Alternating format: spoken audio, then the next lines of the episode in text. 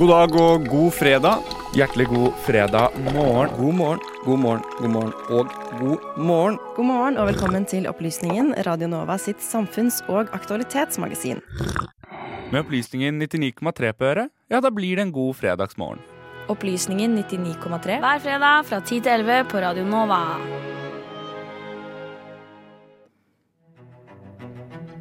Budapest, 19. mai.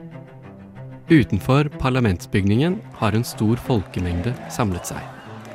De har trommer, bannere med slagord, og noen av de fremmøtte har malt utropstegn i håndflaten. De fremmøtte spriker i alder. Det er videregående-elever og 50-60-åringer. Forent i frustrasjon over myndighetenes skolepolitikk. De har tatt til gatene for å kreve bedre lønn og bedre arbeidsvilkår for lærere. Og så langt er dette kanskje ikke så uvant. Men i bakgrunnen ulmer det noe helt spesielt. For demonstrantene frykter autoritær kontroll av skolevesenet. Læreplaner er skiftet ut. Historiebøker er erstattet. Demonstrantene marsjerer sakte ned Najkørut, byens største boulevard.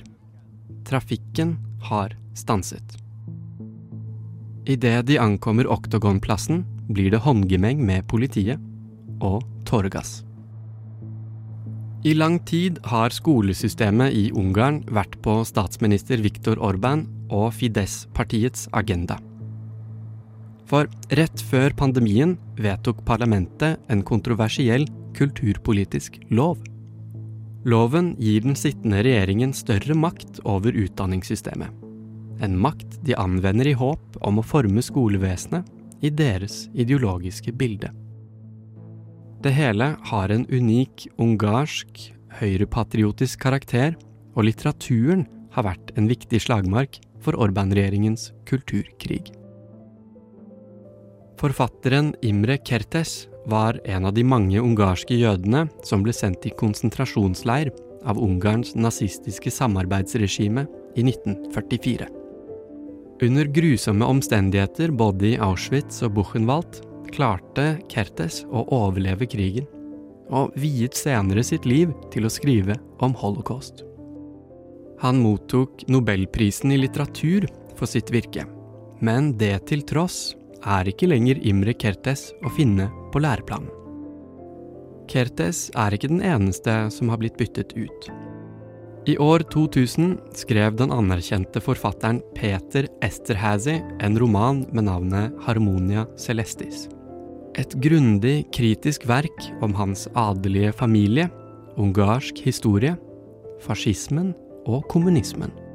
Hans bøker er oversatt til 20 språk, men ja, han er også borte fra pensum. Og baktanken med disse beslutningene følger en slags indre logikk. Litteraturen er ikke patriotisk nok. I den nye ungarske undervisningsplanen blir svært omdiskuterte nasjonale myter presentert som fakta. Selve roten i nasjonalistenes fremstilling er et innbakt savn om tapte landområder.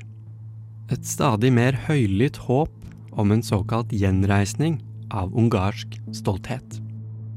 Det sittende Fidesz-partiet tar misnøyen i Budapest til inntekt for at deres kulturpolitikk fungerer.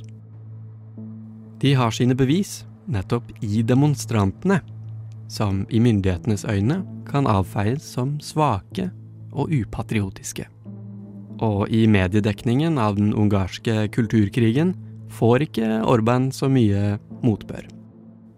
Nei, den sittende regjeringen har bygget et medieimperium som følger taktfast i nasjonalistenes fotspor.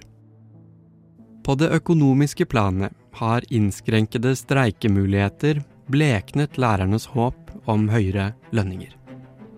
Den årlige inflasjonen i Ungarn ligger nå på drøye 20% På sin side legger Orban skylden på Den europeiske union som tilbakeholder midler i sanksjon mot hans regjering. Han mener Ungarn ikke har nok midler i statskassa til å bidra med noen lønnsøkning. Demonstrantene derimot mener Orban har sviktet landet i en av statens viktigste oppgaver. Et velfungerende skolesystem. Medvirkende i denne saken var Benjamin Nordtømme. Lyden var hentet fra telex.hu.